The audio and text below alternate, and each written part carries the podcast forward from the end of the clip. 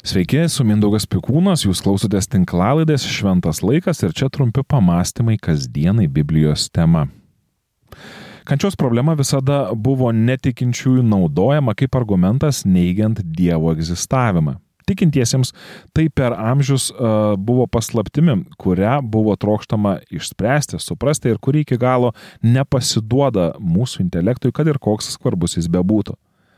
Ji ypatingai aštri, tikint, kad visai visatai vadovauja mylintis Dievas.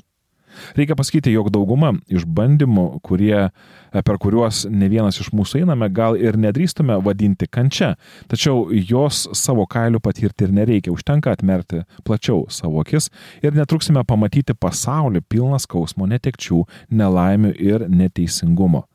Tai yra, na, kančios problema, kančios e, tema yra labai svarbi ir ją trumpai norėčiau apžvelgti, na, Biblijoje aprašomų įvykių kontekste.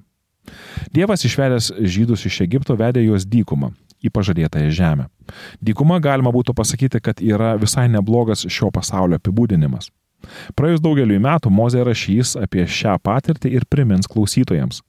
Atsimink tą dieną, ir tą ilgą kelią, kuriuo tave vedė viešpats tavo Dievas per tuos 40 metų dykumoje, įdant padarytų tave nuolankų, bandydamas sužinoti, kas tavo širdyje, ar tu laikysiesi jo įsakymų ar ne.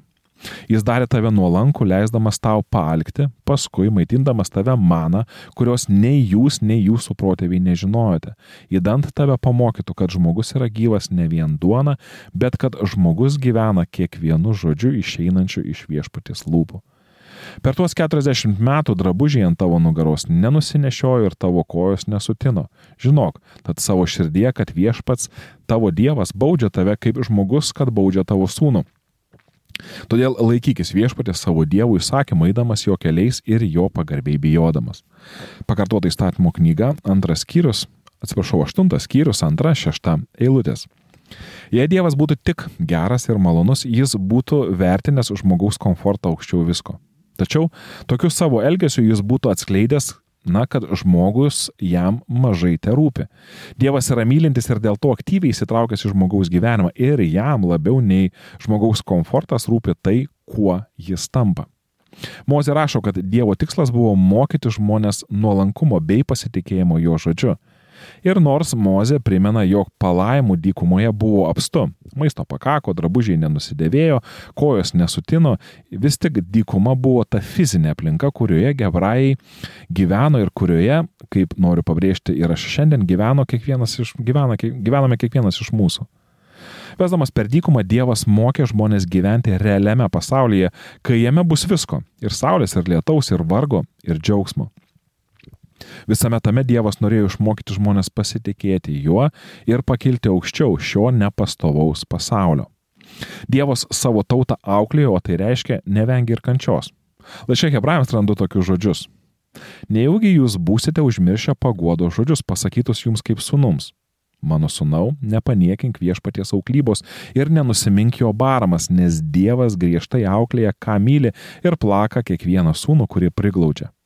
Jums reikia pakentėti dėl drausmės. Dievas elgesi su jumis kaip su sunumis, o kuriogi sunaus tėvas griežtai neauklėja. Bet jeigu jūs be drausmės, kuri visiems privaloma, vadinasi jūs nesūnus, o pavainikiai.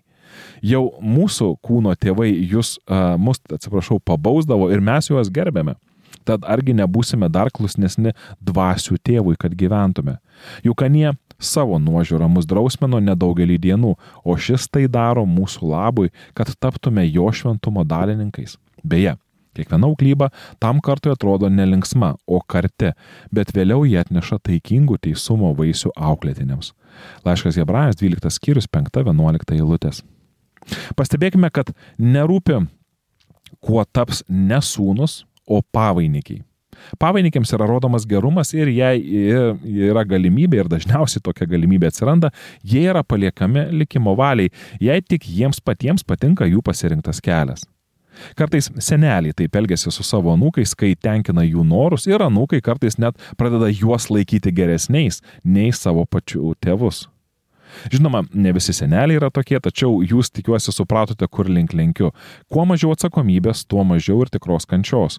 Kuo labiau mums e, kitas rūpi, tuo dažniau mūsų meilė reikš, kad vardan ramybės mes neaukosime tuo, kuo netinkamu ji gali virsti mūsų mylimiesiems.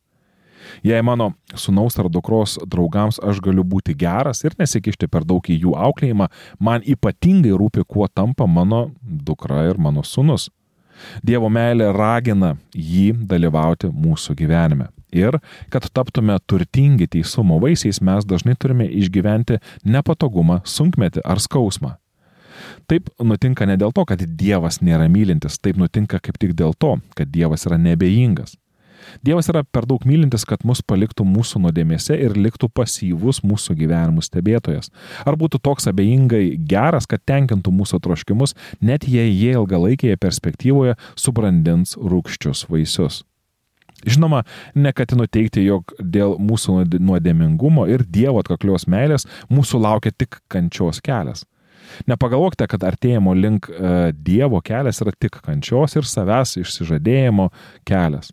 Tai kelias, kuris mus ir nepalyginamai praturtina, nors ir palieka skausmą kaip realią galimybę arba kaip kartais neišvengiamybę. Jo labiau, kad turime pripažinti, jog gyvename karo tarp gėrio ir blogio kovos zonoje, kurioje nutinka taikos metu neįsivaizduojami dalykai ir jie iki tam tikro lygio nutinka visiems ir nesvarbu, kurią pusę pasirinkai. Ir vis tik, Ir vis tik Dievas randa būdų savo pasiekėjus palaiminti. Apaštlas Petras kartą paklausė Jėzaus. Štai, mes viską palikome ir sekame paskui tave. Kas mums bus už tai? O Jėzus jiems atsakė, iš tiesų sakau jums, pasaulio atgimime, kai žmogaus sunus sėdės savo šlovės sostė, jūs, mano sekėjai, irgi sėdėsite dvylikoje sostų, teisdami dvylika Izraelio giminių. Ir kiekvienas, kas paliko namus, brolius, seseris, tėvą, motiną, vaikus, dirvas dėl manęs, gaus šimteriopą ir paveldės amžinai gyvenimą. Mato Evangelija 19 skyrius 27-29 eilutės. Pasak Jėzaus, nereikėtų į mokinystę žvelgti vien tik per sunkumų ir kančios prizmę. Šie Jėzaus žodžiai yra ypatingai aktualūs tiems iš mūsų, kurie turime polinkį niūriai žvelgti į gyvenimą ir tokiu požiūriu nešamės ir į savo krikščionišką gyvenimą. Sunkumai ir iššūkiai yra neišvengiamybė šiame nuodėmingame pasaulyje, tačiau jie nėra neišvengiama beprasmybė. Dievo vedami Visus šios iššūkius galime paversti pergalę ir tapti dar labiau panašus į Jėzų, pasak kurio pasirinkus Dievą palaimos ateina į žmogaus gyvenimą. Tik gal jos ateina ne taip, kaip uh, nes, uh, na, nesikeičianti, nesikeičianti realybė, o kaip niūrė nuodėmingo gyvenimo kasdienybė, praskaidrinantis Dievo įsikišimas. Čia, manau, pabaigai tiktų e, C.S. Lewiso mintis iš knygos Kančios problema. Manau, kad krikščioniškoji kančios doktrina paaiškina vieną labai keistą mūsų gyvenimo pasaulio e, faktą, rašė autorius. Dėl pačios šio pasaulio prigimties Dievas mums nesuteikė pastovios laimės ir saugumo, kurių visi taip trokštame. Užtat džiaugsmo, malonumo ir linksmybės jame pribarstė pilna sauja. Niekada nesame saugus, bet galime iki valiai linksmintis ir patirti ekstazę. Nesunku suprasti, kodėl taip yra.